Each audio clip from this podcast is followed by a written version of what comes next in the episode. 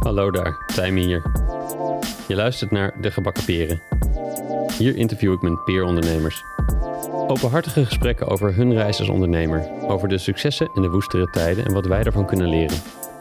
Maar juist ook over de persoon achter het bedrijf, over wat hun drijft en wat hun heeft gevormd en hoe het nu echt voor hen is om ondernemer te zijn.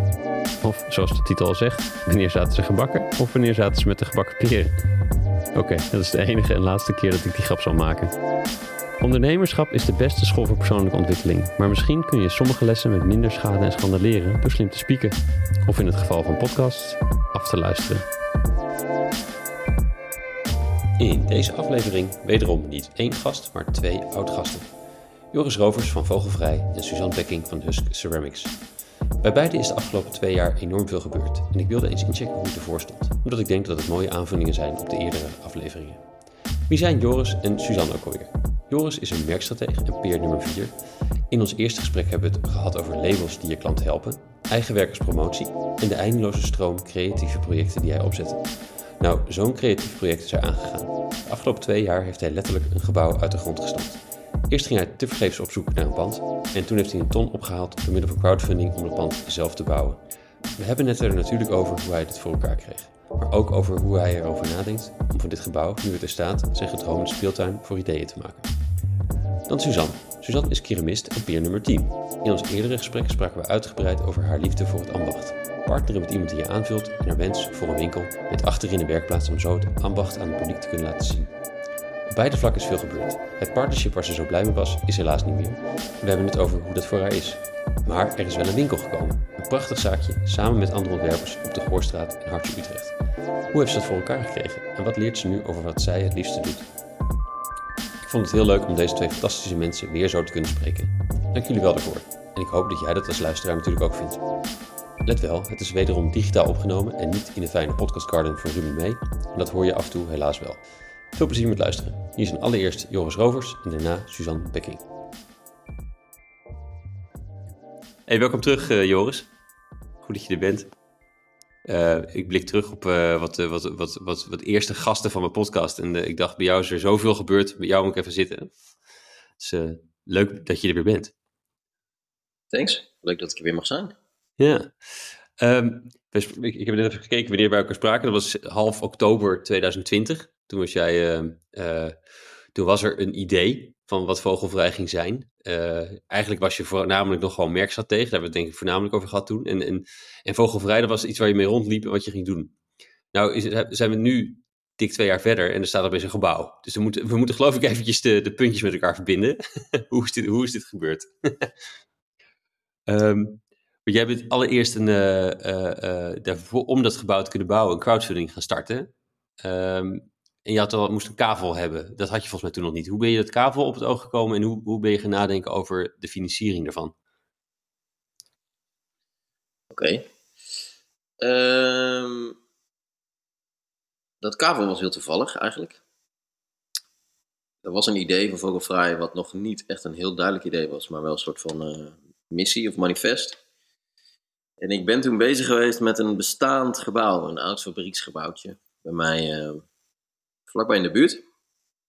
En uh, daar was ik, ik weet niet of ik daar toen al mee bezig was of juist niet.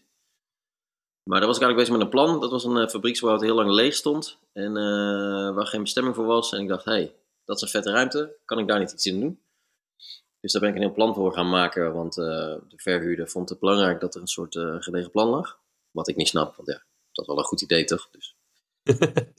um, maar vooral vergunningwijs. Dus um, het zit midden in een woonbuurt en had in het verleden wat eh, problemen gehad met uh, verschillende soorten bestemmingen. Dus uh, ik moest daar uh, eigenlijk.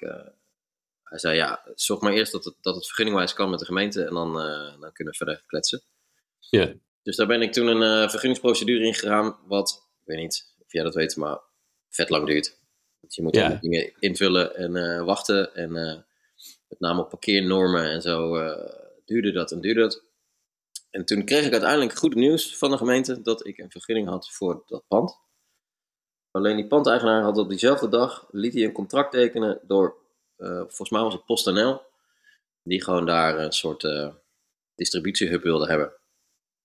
En dat bleek blijkbaar parallel te lopen, maar dat hadden ze niet tegen mij verteld. Ah, dat shit zeg. Ja. Dus eh, terwijl ik eigenlijk een half jaar al daarmee bezig was. Ik denk uiteindelijk een half jaar, ja. Eh, Ja. werd dat dus door mijn neus heen geboord. Op basis van geld. Want, de, want eh, PostNL had gewoon gezegd, ja, zo'n, als het niet lukt met de gemeente, dan betalen we gewoon een boeteclausule. Maar ja, dat was een boeteclausule die ik niet zomaar op kon hoesten. Ja. Dus eh, eigenlijk had, had ik een heel plan met een gebouw en mensen waren enthousiast en weet ik wat. En eh, had ik een vergunning. Maar eh, geen pand. Dus dat was eh, nogal zuur. ja. En eh, daar was ik ook wel heel eh, boos en chagrijnig over. Dus toen dacht ik eigenlijk, zoek het maar even uit met heel vogelvrij en een pand. Ehm, dus dat idee blijft staan, maar misschien moet ik het eerst gewoon eh, online gaan bouwen. En gewoon het gedachtegoed en die community en het idee en eh, mensen meenemen. En eh, nou ja, gewoon een soort van, laten we eerst maar de visie over een schutting heen gooien. En dan gaan we op zoek, intussen wel weer, als ik zin heb, naar een ruimte. Ja. Alleen daar was ik eigenlijk mee bezig. Dus ik was bezig met een website en dingen en blogs en schrijven en mensen connecten en dat soort dingen. En toen kwam ik ineens via via terecht op de havenloods terrein naast de Nijverheid. En volgens mij was het zelfs gewoon via een, een Instagram eh, advertentie of zo van eh, hey, eh, zoek je ruimte voor een werkplaats. We hebben ruimte over. En ik dacht, nou ja, dat is precies wat ik zoek. Dus eh, laat ik even kletsen. Dus eh, ik afspraak gemaakt hier de Nijverheid, waar ik nu ook zit. En eh, ik met die projectleider. En het was gewoon letterlijk, ja, er is hier eh 5000 vierkante meter buitenruimte. Daarvan willen we de helft bebouwen. En dat willen we doen door middel van zelfbouwkavels. Dus wat we nu aan het doen zijn is, als je zin hebt, teken een zelfbouwkavel in. En eh, zorg dat je het gaat bouwen en dan heb je eigen werkplaats. Even voor de duidelijkheid, dat, dat, dat, dat was gewoon 5000 vierkante meter aan betonnen platen op de grond. Niks meer dan dat. Helemaal niks. Nee. Gewoon eh, de oude rijplaatindustrie zat hier volgens mij vroeger. En eh, er ligt allemaal dikke platen beton op, want de vloer is allemaal, of de grond is allemaal vervuild. Hmm. Dus het was gewoon letterlijk, het is een kale, kale vlakte. Er stonden toen al een paar dingetjes in de aanbouw. En eh, faciliteiten moeten nog worden aangelegd, zoals riolering, elektriciteit, eh, dat soort dingen. En verder ja, is er niks. Dus help jezelf. Ja. En toen dacht jij? Toen dacht ik, eh, fucking hell, dit is heel vet. Dus eh, volgens mij moet ik dit gewoon doen. Maar ik had net bedacht dat ik dat niet ging doen. En eh, persoonlijk was er ook nog wat. maar mijn vader was net overleden een maand geleden. Dus ik dacht helemaal, ik ga even helemaal niks meer doen. Ja. Maar ja, toen kwam ik hier en toen dacht ik, ja, fucking hell, dit is zo'n unieke kans. En ik heb ooit een keer de droom gehad om mijn eigen huis te bouwen. Nou, dat is tot op heden nog steeds niet gelukt. Dus dacht ik, misschien moet ik dit maar doen. Dus ik Eerste dacht speeltuin, Toen ik ja. hier was, oké, dit moet ik gewoon doen, maar het komt totaal niet uit. Ja, ja. Ja, dat is grappig. Ik heb, ik heb natuurlijk ons voorgesprek teruggeluisterd. En, en waar Vogelvrij voor jou ook heel erg om ging, is eh, iedereen heeft ideeën. Maar stemmetjes of andere mensen in de omgeving gaan lopen zeuren. Mm. Dat het geen goed idee is. Dus het, is. het is misschien juist heel ironisch of heel tekenend dat op het moment dat dit op je pad komt, dat jij ook precies dit soort verhalen ook, ook hebt of zo dan. Dat het, Tuurlijk.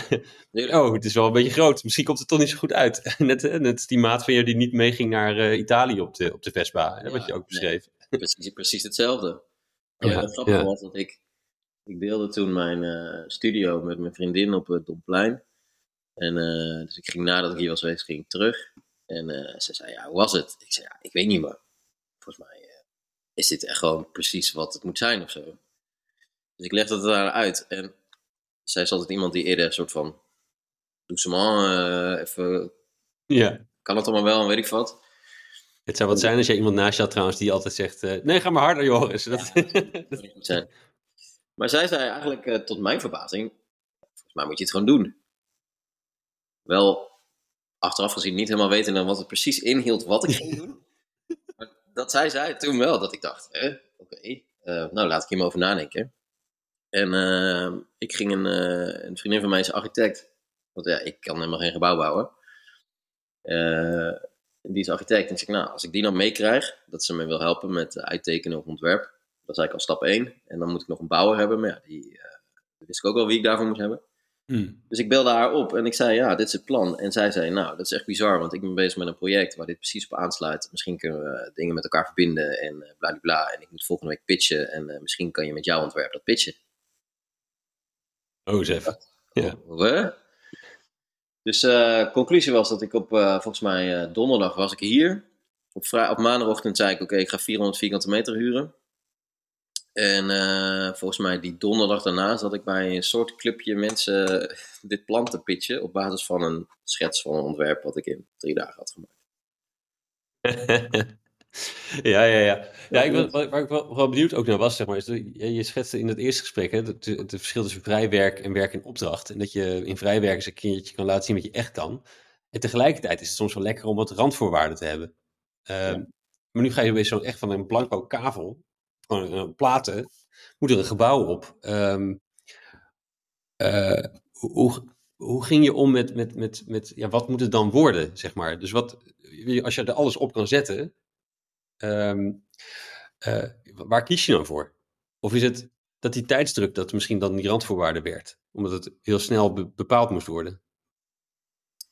Um, nou ja, het voordeel natuurlijk was is dat ik al een heel plan had gemaakt voor een andere plek. En uh, ja. eigenlijk was die plek, qua vierkante meters en qua uitstraling, was dat eigenlijk een soort de basis voor wat ik hier ging bouwen. Ja. Het is echt totaal iets anders geworden, maar wel qua oppervlaktes en qua manier van licht, en qua wat voor type ruimte en qua filosofie achter het gebouw. Dat heb ik eigenlijk daar al bedacht. Alleen dat was in een bestaande huls. Ja. En nu mocht het zelf bouwen. Dus um, um, eigenlijk was er al een soort van kader. Ik wist een soort van hoeveel vierkante meters ongeveer. Ondanks dat het een uh, plat vlak is hier of een, een betonplaat. Ja, er is ook een soort uh, dynamiek of context. En uh, dat. En verder waren er best wel veel andere kavels, kaders. Want uh, het mag tien jaar blijven staan. Ja. Dus je moet enigszins nadenken over dat het soort van uh, over tien jaar weer makkelijk op te ruimen is. Of in ieder geval weer ja, uit elkaar te halen is. Ja. Dus je gaat ook niet iets in beton gieten voor tien jaar. En andere ding is, is dat geld natuurlijk een ding is. Dus als je voor tien jaar iets bouwt, dan uh, ga je, moet je ook nadenken over hoe kan ik iets bouwen wat ik in tien jaar terug kan verdienen. Ja, precies. Dus eigenlijk waren er best wel veel kaders. En uh, was alleen hoe het eruit kwam te zien, was een soort van vrijheid, blijheid, alles kan. Maar dat is toevallig wat ik heel leuk vind. En ja, precies ja, ik, ik, ben altijd veel bezig met, uh, al vanuit mijn, alle, een van mijn allereerste studies bezig met architectuur en met ruimte en wat ruimte doet met mensen en uh, wat we natuurlijk met die uh, diners doen. Gaat ook altijd over ruimte en beleving van ruimte. Dus ik heb daar, ik, heb daar best wel sterke ideeën over, los van dat ik geen architect ben of, of, per se ontwerper. Ja, ja, exact. exact. Ja, ja, precies. Hey, en dan weet ik even niet meer zeker in welke volgorde dat liep. Maar je moest hier natuurlijk ook weer een vergunningstraject in. Wat ook weer lang ging duren. En liep dat, was dat voordat je de crowdfunding startte? Of was, het, was dat uh, dat je dat rond moest hebben? Of was, het, was dat aan het eind van die, voordat je echt mocht gaan bouwen? Um... Nee, ik ben echt meteen vergunningtraject ingegaan. Dat wil zeggen ontwerp maken, uittekenen tot in de treuren van details. Ja. Um, dus niet weten of ik die vergunning zou krijgen eigenlijk. Uh, die was ingediend en toen uh, letterlijk heb ik tijdens een van die gesprekken, was de projectleider en die zei, hoe ga je dit eigenlijk allemaal financieren? Heb je een soort van een uh, begroting gemaakt of zo? Waarop ik heel stoer zei, ja, ja, nee, dat is allemaal helemaal bedacht en uh, weet ik wat. Dat was helemaal niks. dus tijdens dat vergunningstraject heb ik wel een soort van even een beetje uh, lopen bluffen van, ja, dat komt wel goed. Ja. Toen hebben we natuurlijk, toen we op een gegeven moment eenmaal het ontwerp hadden en wisten, oké, okay, hoe gaan we dit bouwen en met wie gaan we bouwen en een soort van, oké, dit moet de investering zijn. Maar ja, ik had letterlijk gewoon nul geld. Tenminste, ik had een klein beetje eigen geld om in te leggen. Maar niet uh, om een heel gebouw te bouwen. Nee, precies. Dus ik wist al wel, crowdfunding, dat, dat was al wel een missie. Uh, wist ik al wel voordat we eigenlijk dat pand gingen doen.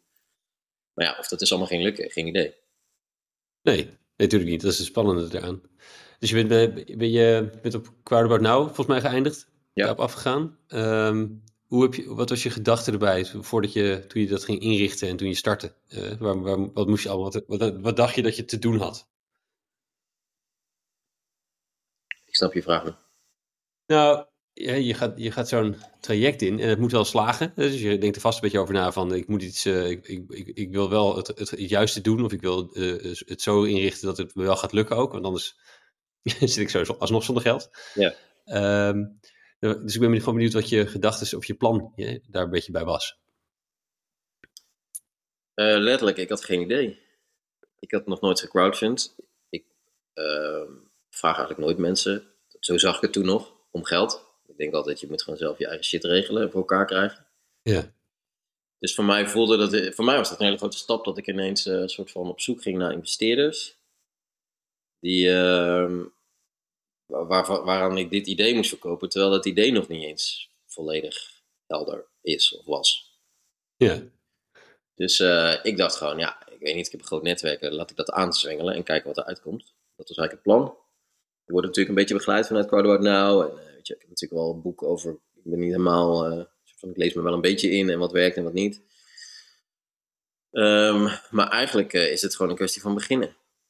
Hmm. Het enige wat ik dacht, is dat ik een crowdfund film wilde maken die in ieder geval iets anders was dan uh, de gemiddelde crowdfund film. Want daar kreeg ik heel erg een soort van, no offense naar andere mensen, maar toch vaak een beetje tenenkrommende uh, gedachten bij. Dus ik dacht, ik wil wel ook, uh, maar goed, dat is ook omdat ik het leuk vind, een vette film maken. Met mensen met wie ik graag werk, waarin we gewoon dan ook echt het gedachtegoed van Vogelvrij laten zien. Dus dat was eigenlijk de basis. Kunnen we een vette film maken waarin we gewoon Vogelvrij laten zien? En daar hangen we de campagne aan op. Vervolgens gaan we zien wat, daar, uh, wat er uitkomt. Ja, dat met die film, dat die werd, is wel gelukt. Ik, vond, ik stond echt uh, te juichen achter mijn laptop toen ik hem voor het eerst zag, zeg maar. Ja. Dat grappig. Terwijl ja. eigenlijk die film is helemaal niet zo belangrijk, want ja, je kijkt één keer die film en that's it. Ah, ja, ik weet niet. Maar het zorgt, wel, het denk ik wel voor mij ook dat het soort van visitekaartje was wat veel verder ging dan mijn eigen netwerk. Ja.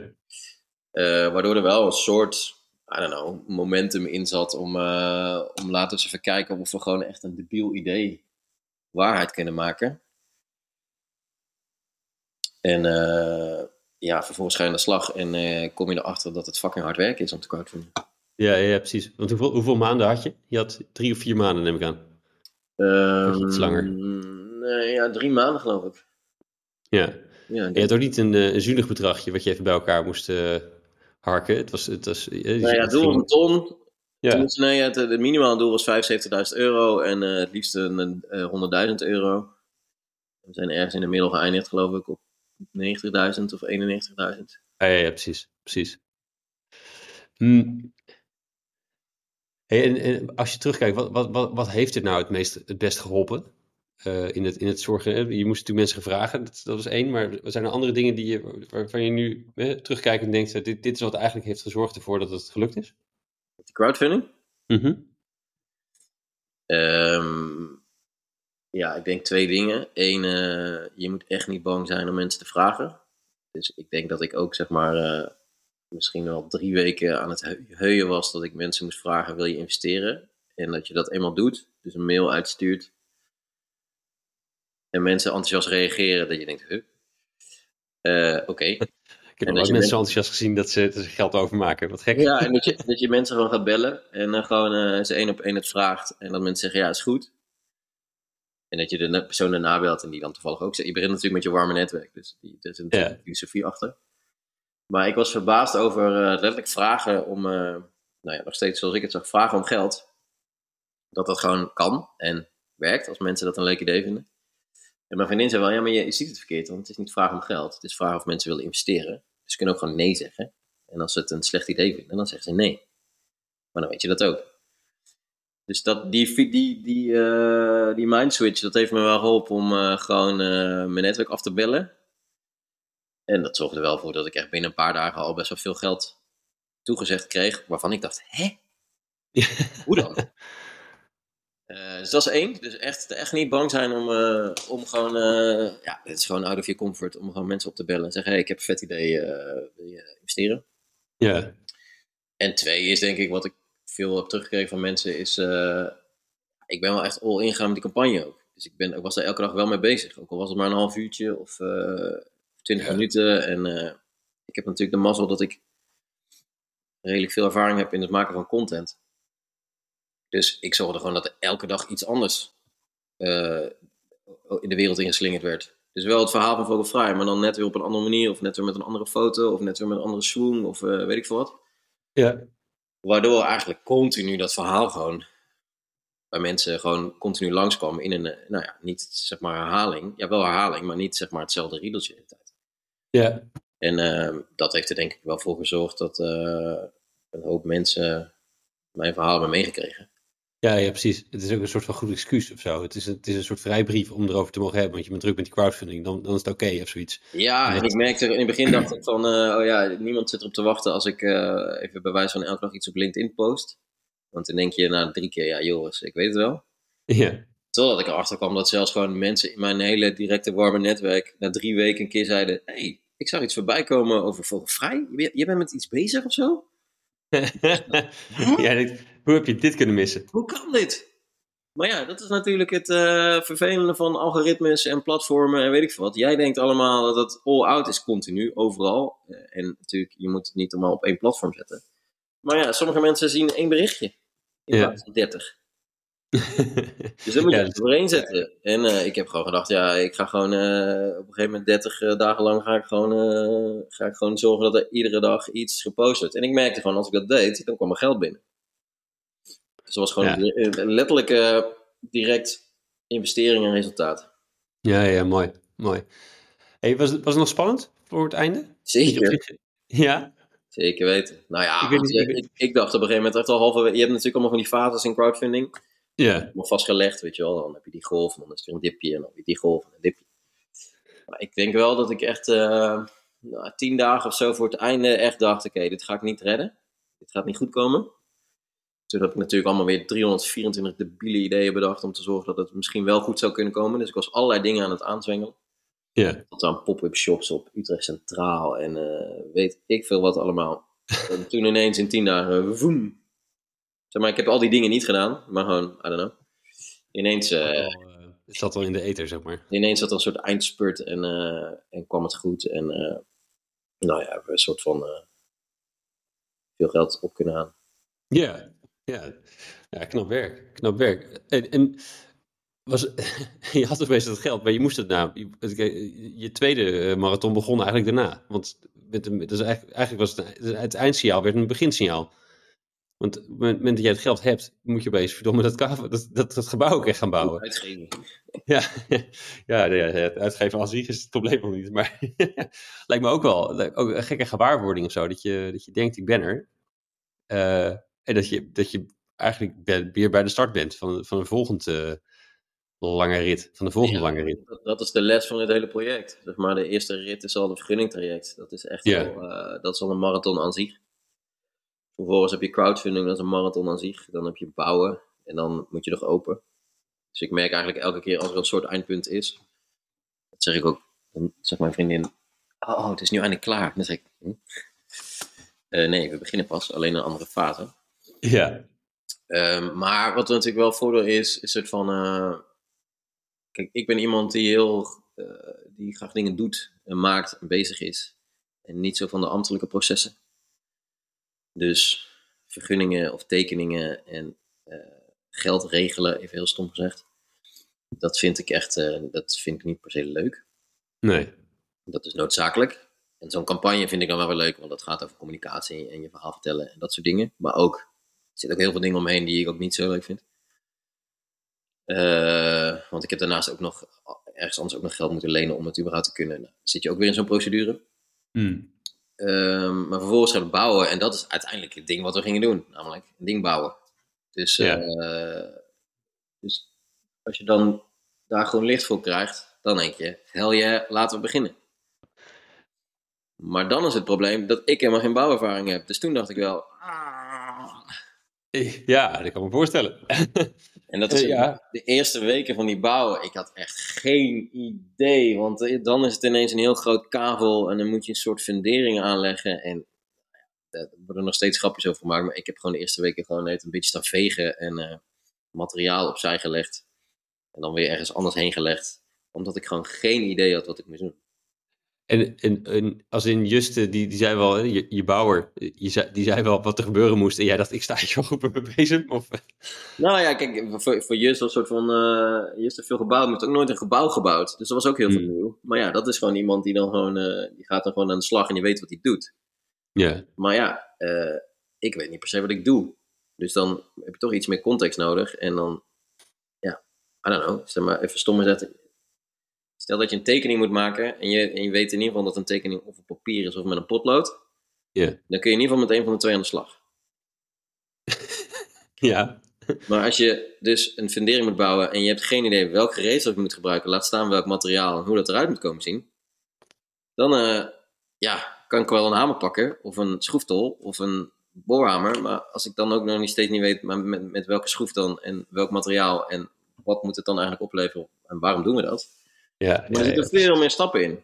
Het is wel grappig, dit, maar dit, dit, dit hele bouwproces, had je, dat, had je dat voor die tijd een beetje soort van weggestopt? Dat je, dat je er nog maar niet zo, zo over na had gedacht, zeg maar? Of hoe dat ging zijn? Of is het... Geen idee. ja, het, Nee, ja. heeft, het- Nee, ja, eh, ik heb geen idee eigenlijk. Ja, je bent met zoveel dingen bezig en uiteindelijk, weet je, ik dacht wel, ja, ik denk ook gewoon onderschatting. Ik dacht wel, ik ben wel een beetje handig. En eh, ik heb wel wat meubels gemaakt en zo. Dacht ik, nou, Ja. hoe, moeilijk kan het dan zijn om een gebouw, een gebouw te bouwen? Het is alleen Ja, niet groot. Maar ik merkte vooral, dus ook niet zozeer het bouwen aan zich was niet, denk ik, het probleem. En eh, zeker ook, weet je wel, eh, eh, Just, gouden man op alle mogelijke manieren. Heeft me daarin natuurlijk ook veel meegenomen. Alleen, het was in het begin vooral de schaal. ja, Dus het is, het is best wel groot. En dat merk ik nu ook nog steeds. Het is best wel een groot gebouw. En er is goed over nagedacht waarom het zo groot is. Maar als je vanuit helemaal niks iets heel groots moet neerzetten. eh, ik kom daar gewoon niet bij. Terwijl als je tegen mij zegt, oké, we bouwen daar een hokje. Van zo en zo groot. Dan snap ik het, zeg maar ja, ja, voordat die eerste contouren stonden met eh, eigenlijk de strookfundering, eh, ja, wist ik gewoon totaal niet waar te, hoe, wat waar. En toen Ja. op een gegeven moment die, die outlines stonden, een soort van, oh ja, dit wordt het gebouw. Dan denk ik, oh ja. En als je dan een soort van begint met, eh met de opbouw, met de constructie, en je ziet het vorm krijgen, ja, dan snap je wat de schaal is en dan snap je wat er nodig is. ja. Maar in het begin was het gewoon, eh, ja, gewoon eh, een heel groot leeg vel inderdaad. En eh, geen idee hoe, wat, waar omhoog te zetten. ja, ja, ja. Nou, het heeft ook wel een voordeel om er gewoon het, het nog niet, zeg maar, het, die- die- het nog niet weten, het gewoon niet weten waar je instapt, een beetje naïef dus. Ja. Eh, eh, heeft misschien ook wel een voordeel. Als je, als je, als je het wel wist, eh, was je er dan mee begonnen. Dat was misschien wel, was misschien wel lastig geweest. Zeker, en ik denk vooral wat een heel groot voordeel is, en dat hadden we wel bedacht, en dat is natuurlijk ook wel, was ook wel de filosofie van hoe we dit gebouw gingen neerzetten. Is dat we ook heel, we hebben eigenlijk, Just en ik hebben met z'n tweeën eigenlijk grotendeels gebouwd. Er zijn natuurlijk Ja. ook mensen bijgekomen, experts en heel veel vrienden en familie en zo, maar eigenlijk hebben we Casco eh, de eerste drie maanden hebben we bijna eigenlijk alles met z'n tweeën gedaan. Dus dan bouw je echt een gebouw samen, in plaats van dat je een aannemer hebt die jouw gebouw bouwt. Ja, Heel groot verschil. Eh, met name omdat je in het werk nog dingen kan bedenken. ja, En we hadden natuurlijk wel bedacht hoe we ongeveer dingen gingen bouwen. Maar ja, de filosofie was zoveel mogelijk met tweedehands materiaal of met biobased materialen. Daar waren we eigenlijk nog mee bezig tijdens het vergunningstraject en ook eh, tijdens het bouwproject. Van oké, welke spullen zijn er of waar kunnen we wat vandaan halen? Dus het zorgt er wel voor dat je tijdens het bouwproces eigenlijk eh, veel creatiever kan kijken naar de bouwopgave. En oplossingen kan bedenken die je eigenlijk vooraf op een tekening nooit had bedacht. Die uiteindelijk het gebouw veel beter hebben gemaakt. ja, leuk. Dus dat hele toch een beetje naïef daarin staan en eh, eh, heeft er wel voor gezorgd dat we, nou ja, dat niet alles dichtgetimmerd is. Waardoor, nou ja, ik denk dat Just dat ook zeker zal beamen, dat we eigenlijk een veel beter gebouw hebben gemaakt dan dat we vooraf hadden helemaal kunnen uittekenen. Ja, ja precies, precies.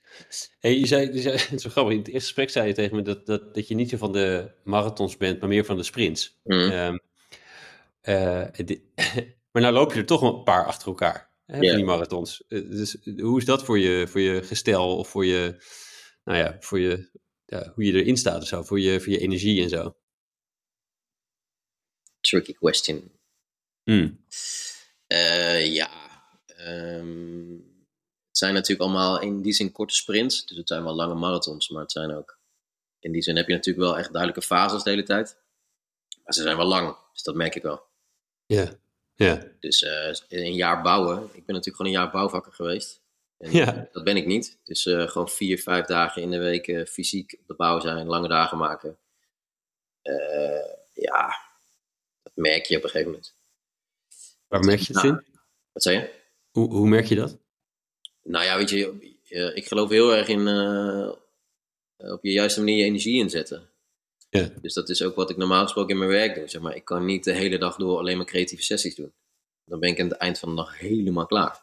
Ja. Dus ik weet inmiddels dat ik bijvoorbeeld eh, één creatieve sessie op een dag kan. En dan smiddags gewoon eh, wat eigen werk kan doen. En dan nog een gesprek met iemand kan hebben, bijvoorbeeld. Dat is dan een ideale dag. Maar met zo'n project weet je gewoon soms dat er gewoon echt dingen door moeten of af moeten. Want de volgende dingen dienen zich aan. Dus om een voorbeeld te geven. ehm, eh, elektriciteit te trekken. Ja. Op een bouw, bouw eh, dat is iets zeg maar wat heel veel tijd kost. Dus je moet voorstellen, er is geen elektriciteit. Dus elk knopje, elk lampje en elk dingetje moet je aanleggen. Dat klinkt heel logisch. Maar daar sta je in je eigen huis eigenlijk niet zo snel bij stil, denk ik. Ehm, dus elk dingetje, er moet over nagedacht zijn en je moet een kabel trekken. Maar als je een pand hebt dat eh 25 meter lang is, betekent dat je 25 meter kabel moet trekken. En dat is één lampje of één stroompje Ja, ja, ja. maar één groepje of whatever. Dus met, dit soort, met zo'n pand, dan eh, ja, weet je veel, dan moet je twintig groepen aanleggen. Dan moet je over nadenken hoe precies alles uitkomt. En ik ben dan ook nog zo'n sukker dat het ook nog een beetje mooi eruit moet zien. Dus je gaat ook nog over esthetica nadenken. Dus niet alles mag overal kriskros doorheen. En dan, eh, dus dat, dat- daar ben je ermee bezig en dan zie je wat tijd het kost. Maar dan heb je gewoon op een gegeven moment een strakke deadline, want er is een keuring. En voor die keuring moet de elektriciteit gekeurd worden. En dat betekent Ja. dat alle elektriciteit moet aangelegd worden. En dat maakt niet uit hoe dan, maar dan heb je vijf dagen om iets gaan fixen. En dan sta je gewoon eh, van s ochtends 9 tot eh 12 uur s'nachts naar je elektriciteit te, te trekken. En dan, eh, Ja. En dat was niet jouw ideale dagindeling qua energie en zo. dat hou je niet heel lang vol. Nee, nee, nee. En dat is dan, ja, voor één week kan je nog denken van, nou voor die ene keuring of zo. Maar zo wat je zegt, eigenlijk elke, over een paar weken daarna is er weer een nieuwe sprint die, je die je te doen had of zo.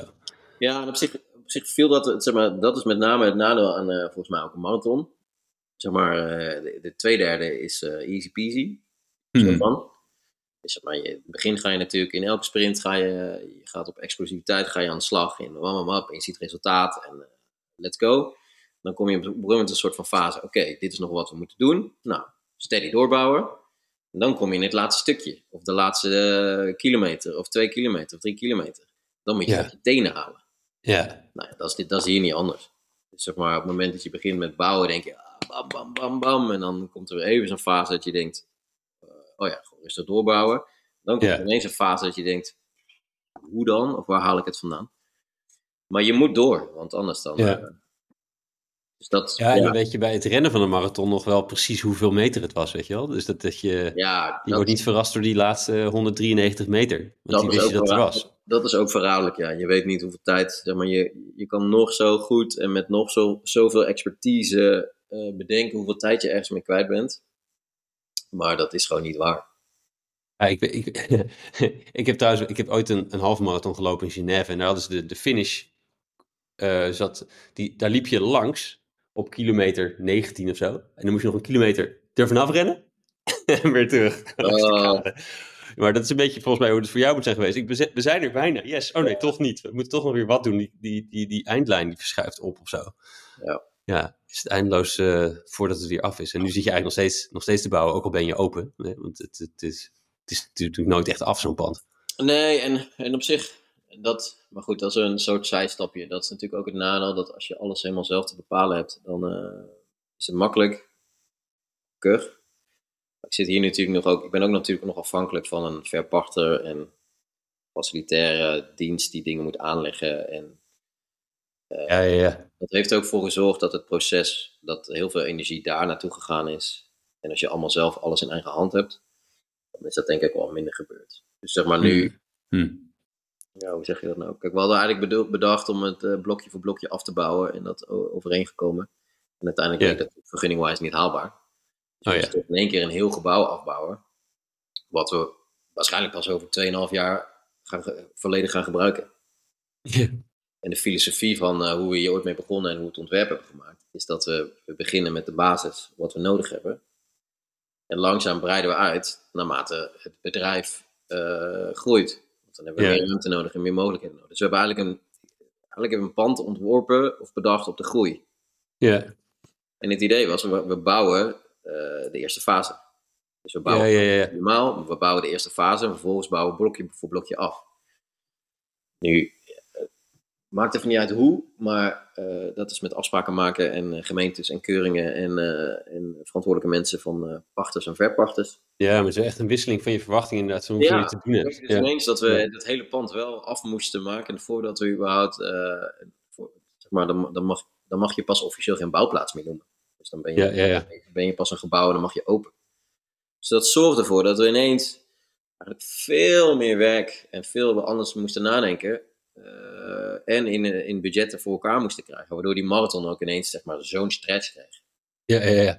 Dus ja, weet je wel, dat we een dakterras hebben moeten aftimmeren. Terwijl we eigenlijk pas bedacht hadden, de dakterras gaan we over twee jaar gebruiken. Ja. ja.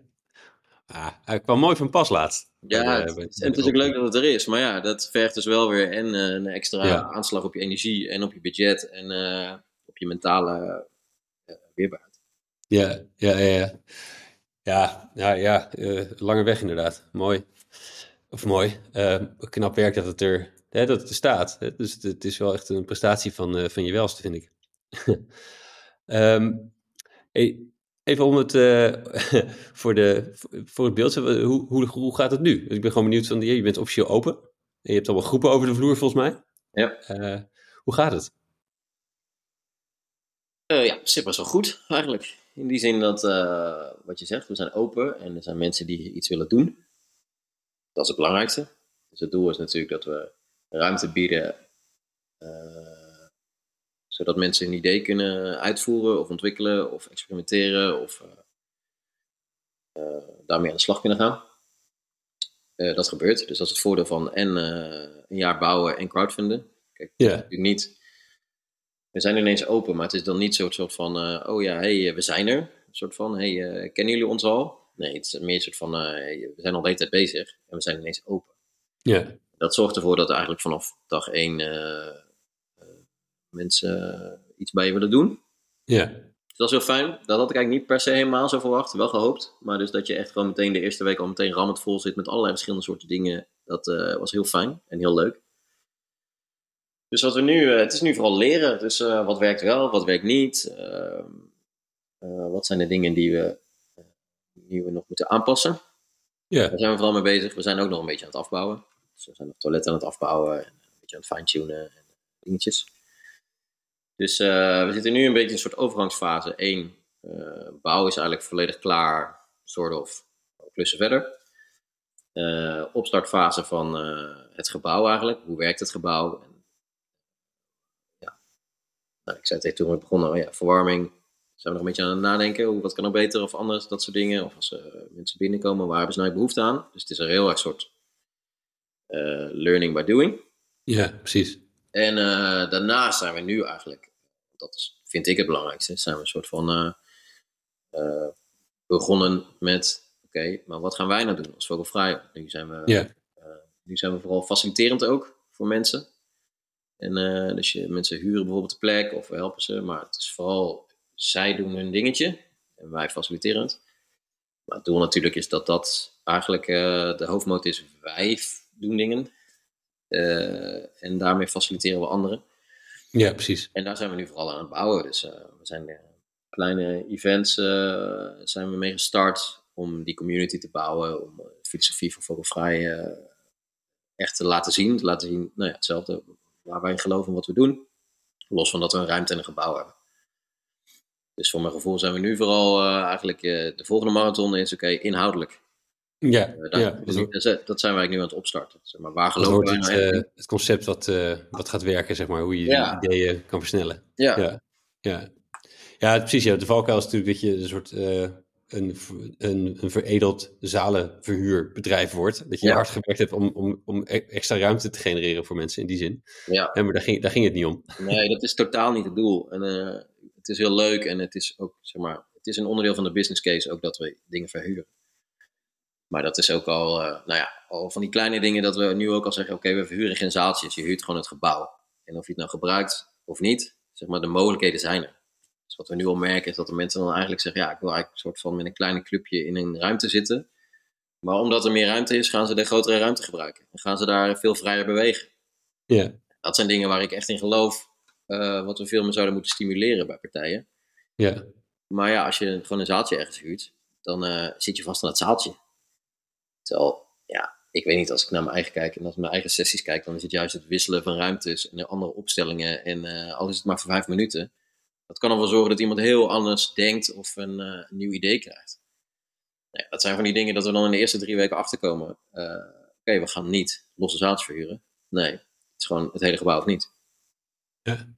En dat, is, dat is ook leuk, zeg maar. Dus dat is ook veel meer inhoudelijk vanuit, vanuit onze filosofie of visie. In plaats van dat, ja, plaats van dat we een seats to meet worden. Of, uh...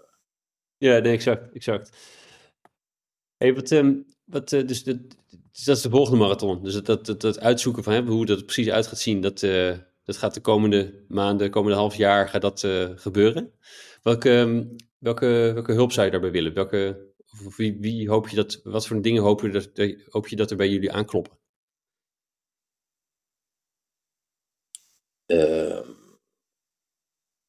Goeie vraag. Nou, wat ik eigenlijk hoop is de, dat we daadwerkelijk dus de, de drempel weten te verlagen. Um, simpel gezegd dat mensen echt binnen kunnen lopen van, hey, ik heb eigenlijk een idee, kan dat hier? En dat kan in de breedste zin van het woord. Maar, ja, hoe leg ik dat nou uit? Gisteren liepen er uh, drie uh, mensen bij mij rondom het terrein. En die stonden bij mij naar binnen te gluren bij Vogelvrij. En ik kende ze niet, maar ik stond er ergens anders te ouwe. Dus dacht ik, liep naar ze toe en zei, hebben jullie, zoeken jullie mij of, of wat? Nee, we zijn een soort locatie aan het scouten, want we hebben een vet idee en we moeten ergens foto's maken, weet ik wat. Ik zei, oké. Okay. Maar wil je ons binnenkijken? Want ik heb hier ook nog een ruimte. En dat zij binnenkwamen en dat ze zeiden: Wow, dit had ik niet uh, verwacht. En hier is ineens een plek. Ja, het is wel vet. Uiteindelijk was de conclusie: het past niet bij het project dat we aan het doen zijn. Maar ik zag gewoon in een soort van hoofd gebeuren van een zaadje zo van: Wow, uh, oké, okay, mogelijkheden. Ja.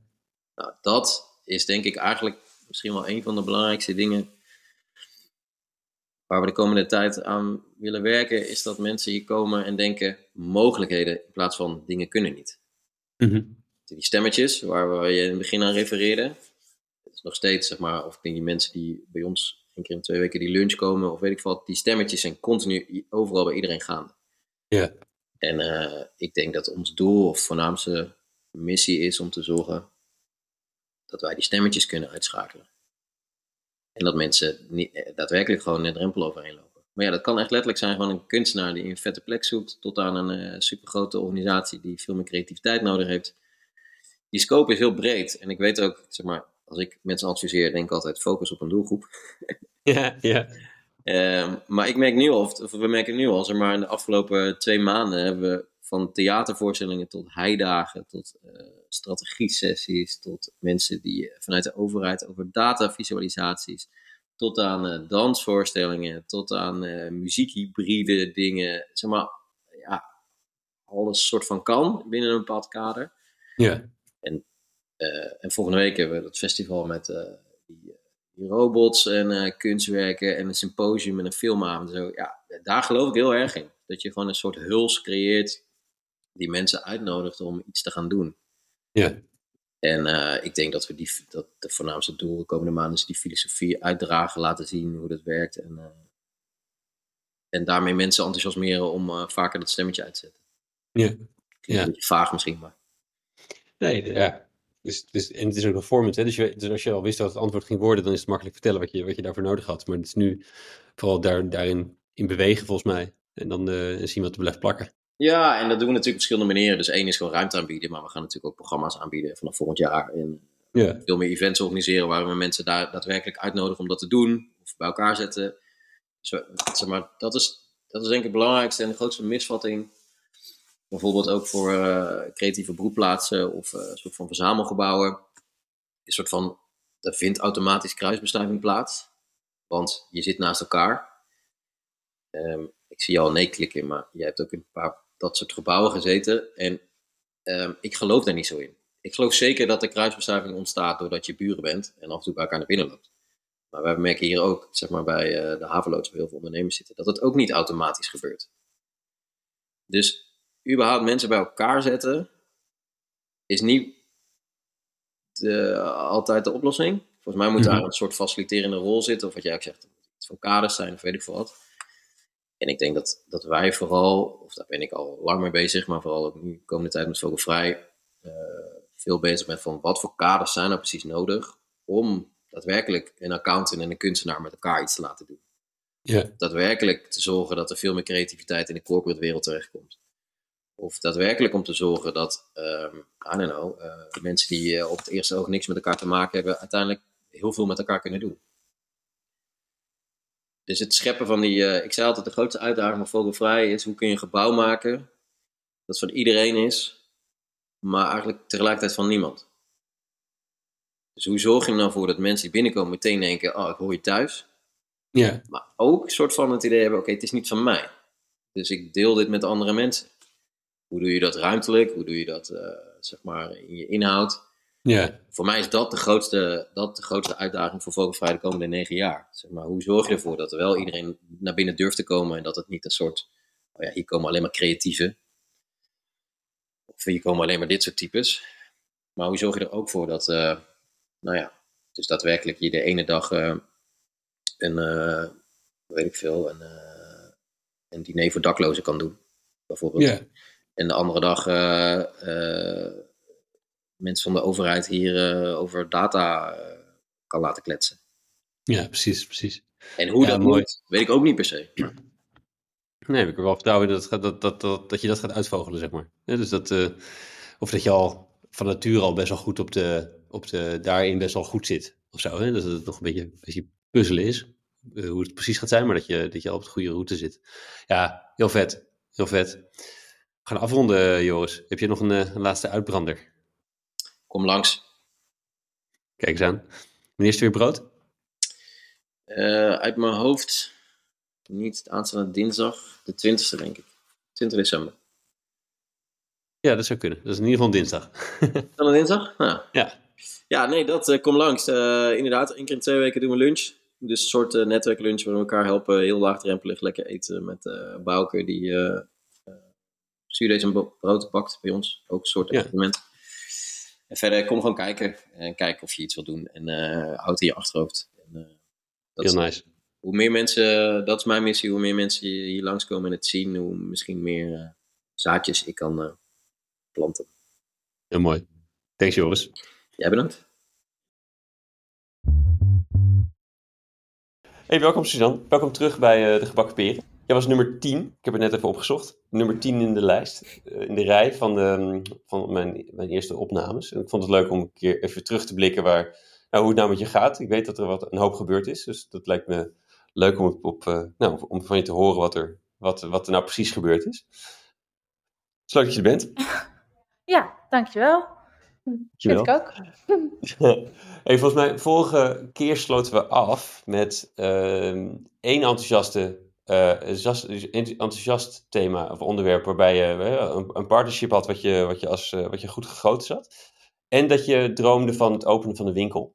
Eh, dus beide lijkt me leuk om even in te duiken. Want wat, wat ik begreep is dat het partnership eh, intussen niet meer is. Ehm, kun je daar ja, kort iets over zeggen, eh, eh, wat je erover kunt zeggen? Ehm, ik ben ook vooral benieuwd, vooral volgens dan, eh, waar omdat je er zo dat je er zo op hoopt en dat je het zo fijn vond om samen te werken, dat je, hoe je dan vervolgens verder bent gegaan.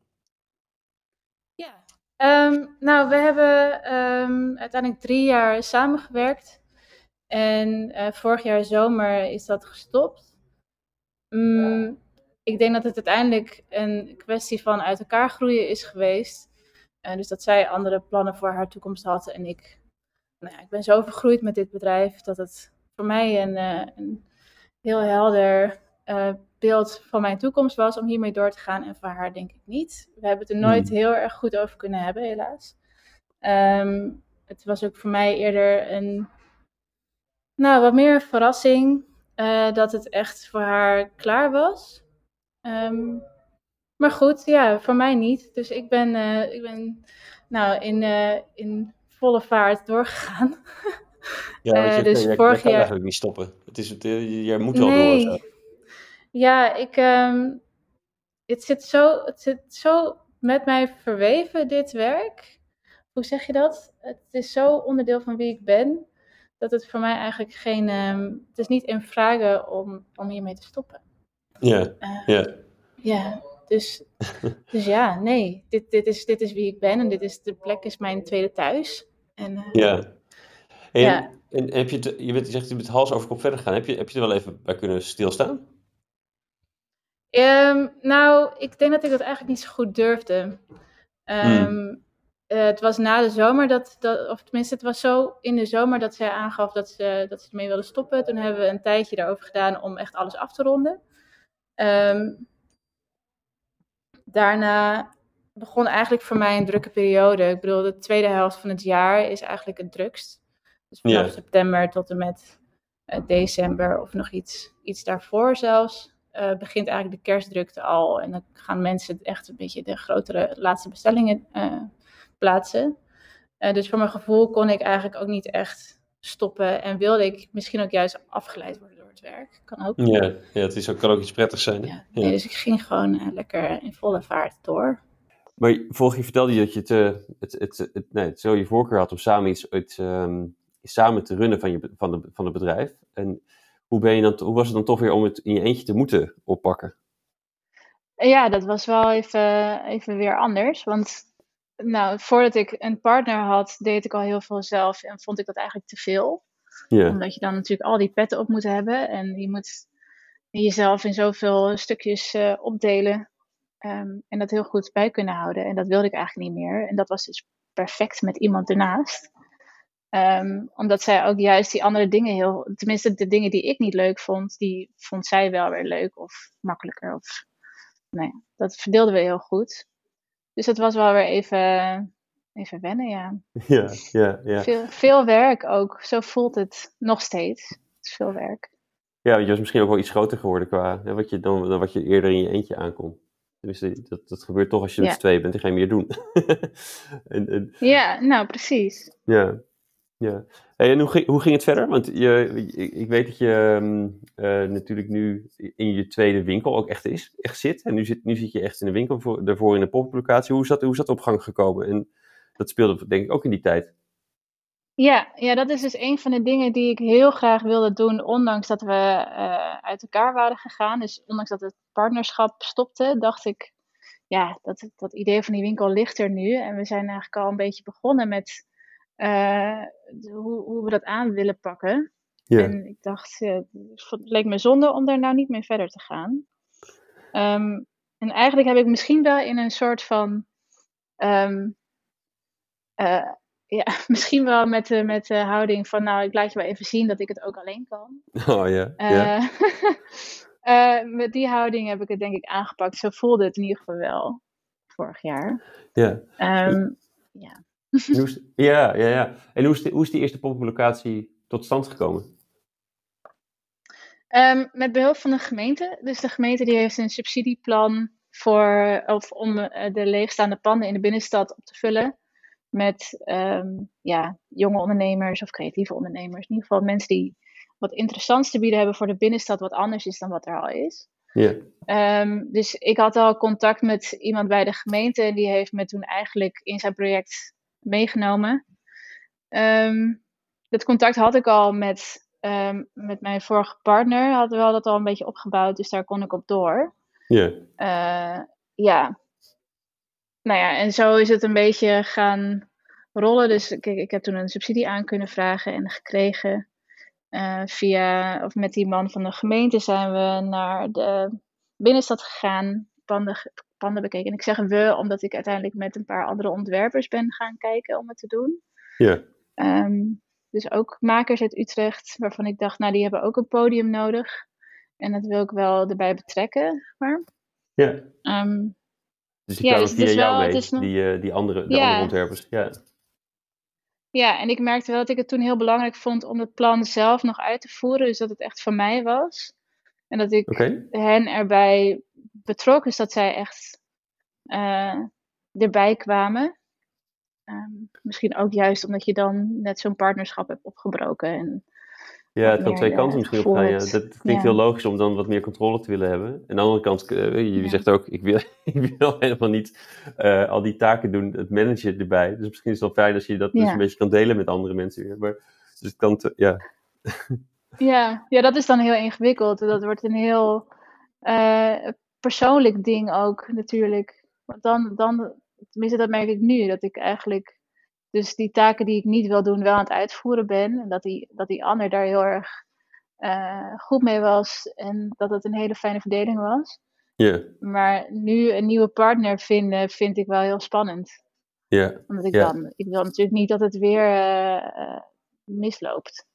Ja, precies. ja, dus dat moet je heel scherp krijgen of zo. Wat je. ehm, dat je vooraf dingen helder krijgt, zodat je het, dat je, dat het voor beide goed uit elkaar kan gaan. Dat je dat goed. Dat je, ja, het is een beetje. De, eh, je, Ja. je regelt de scheiding vooraf of zo. Een beetje, een beetje zulke teksten krijg je dan altijd. Ja, Maar het is natuurlijk lastig om te bepalen wat dan precies je af te stemmen hebt. eh, zodat, het, eh, zodat je erop kan vertrouwen de volgende keer. Ja. ja. En dus die poppen- poppenlocatie die was, die was, dat was tijdelijk? Of was, die, was het... ehm, Ja. En, en, en toen zijn jullie, hoe- zijn jullie een tijdje ehm, de stad uit geweest en op zoek naar een nieuw pand? Of, of hadden jullie, konden jullie naadloos doorschuiven?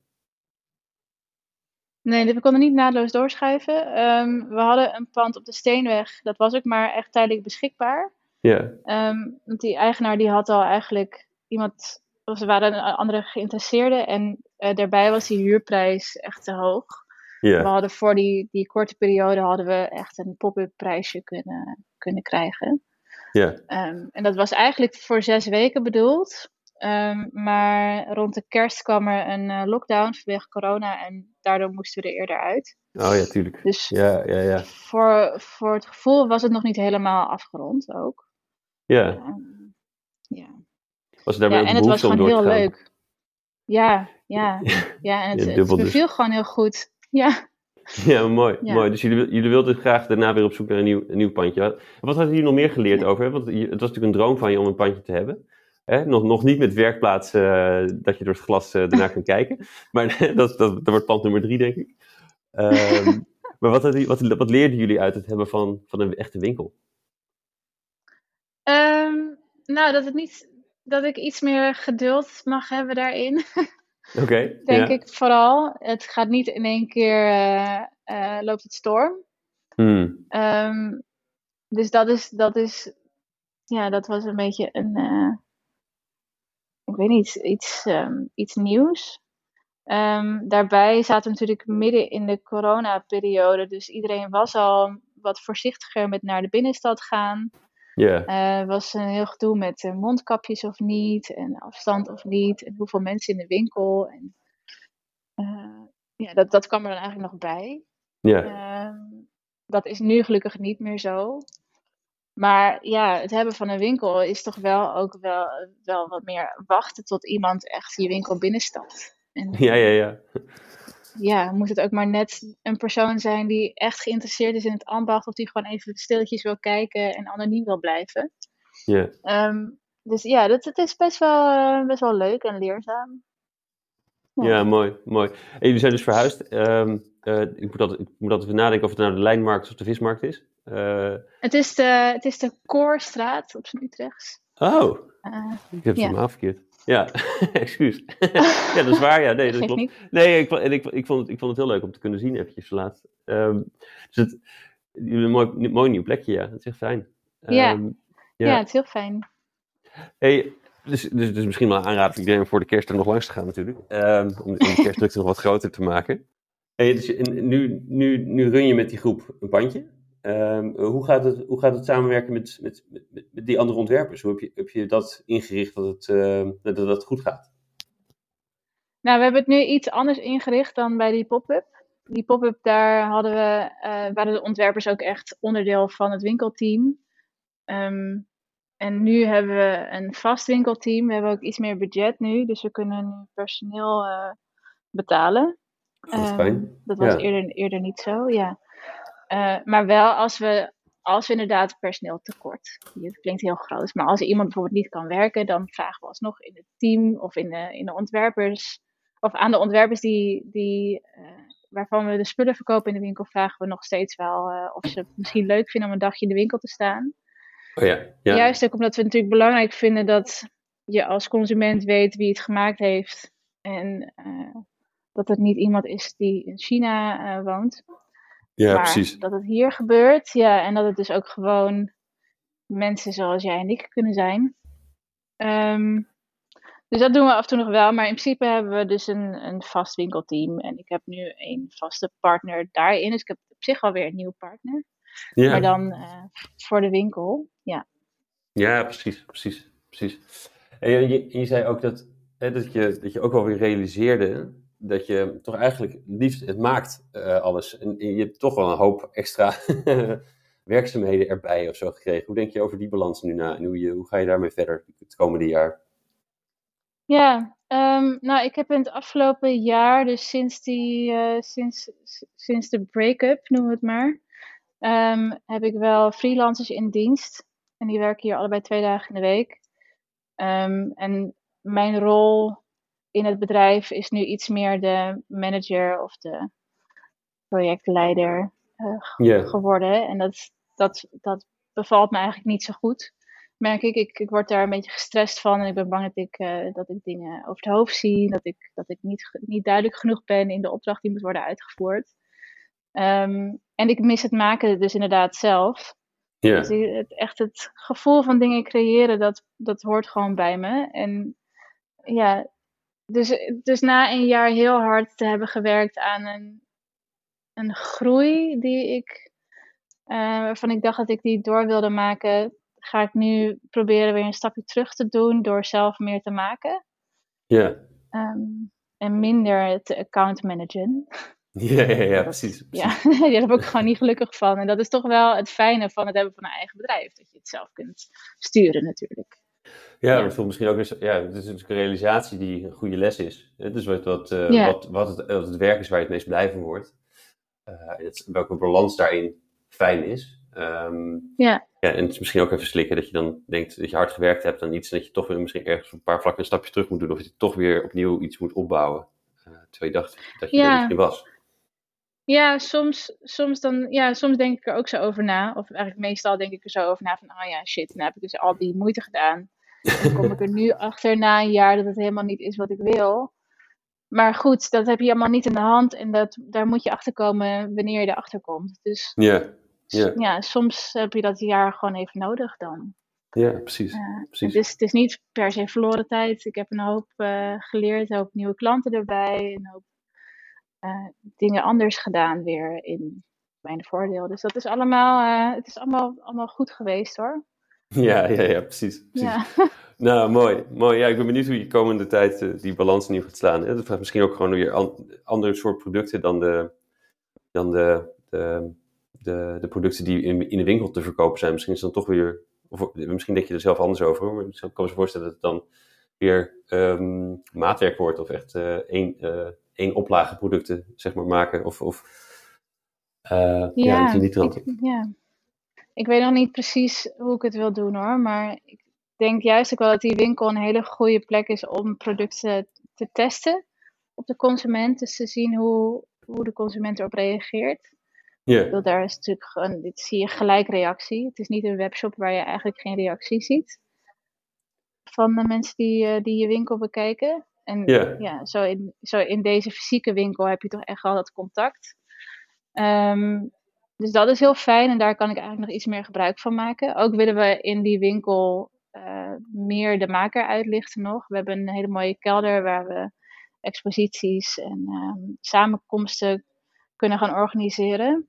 ja, ja. Ehm, ja, ja, juist om die, om die maker uit te lichten en, en te laten zien aan de mensen die gewoon door de, door de stad heen lopen dat, ja, dat er een hoop gebeurt achter zo'n product. Eh, dus ja, ik denk dat er, dat er wel een hoop nog steeds een beetje hetzelfde blijft eigenlijk, maar Ja. iets, iets minder werk. Misschien Iets wel, minder. iets, iets meer vrije tijd. Ja, ja, ja. En, maak, en maaktijd dus. Het is, het is, dus het is Ja. meer een soort herkalibreren vanuit eh, de nieuwe Ja. situatie die je gecreëerd hebt voor jezelf. Ja. En, en Ja, langzaam maar zeker komt het, eh, komt het eindplaatje dan een beetje in beeld of zo. In Of in zicht. Ja. Ja, mooi. Ja. hey, mooi. hey, dankjewel dat we even konden, konden, konden terugblikken. Ehm, en eh, Ja, op naar het volgende jaar. De, de volgende tijd. Dankjewel. Ja. ja, graag gedaan.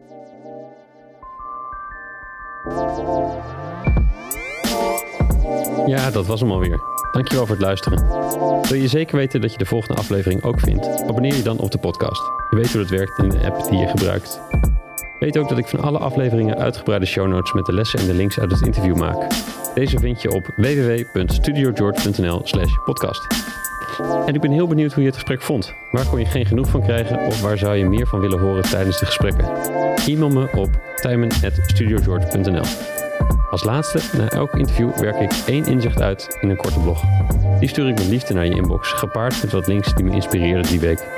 Meld je aan voor dit Espresso Shot strategie op www.studiogeorge.nl slash shots of strategy. Allemaal aan elkaar. Heb een goede dag en tot de volgende.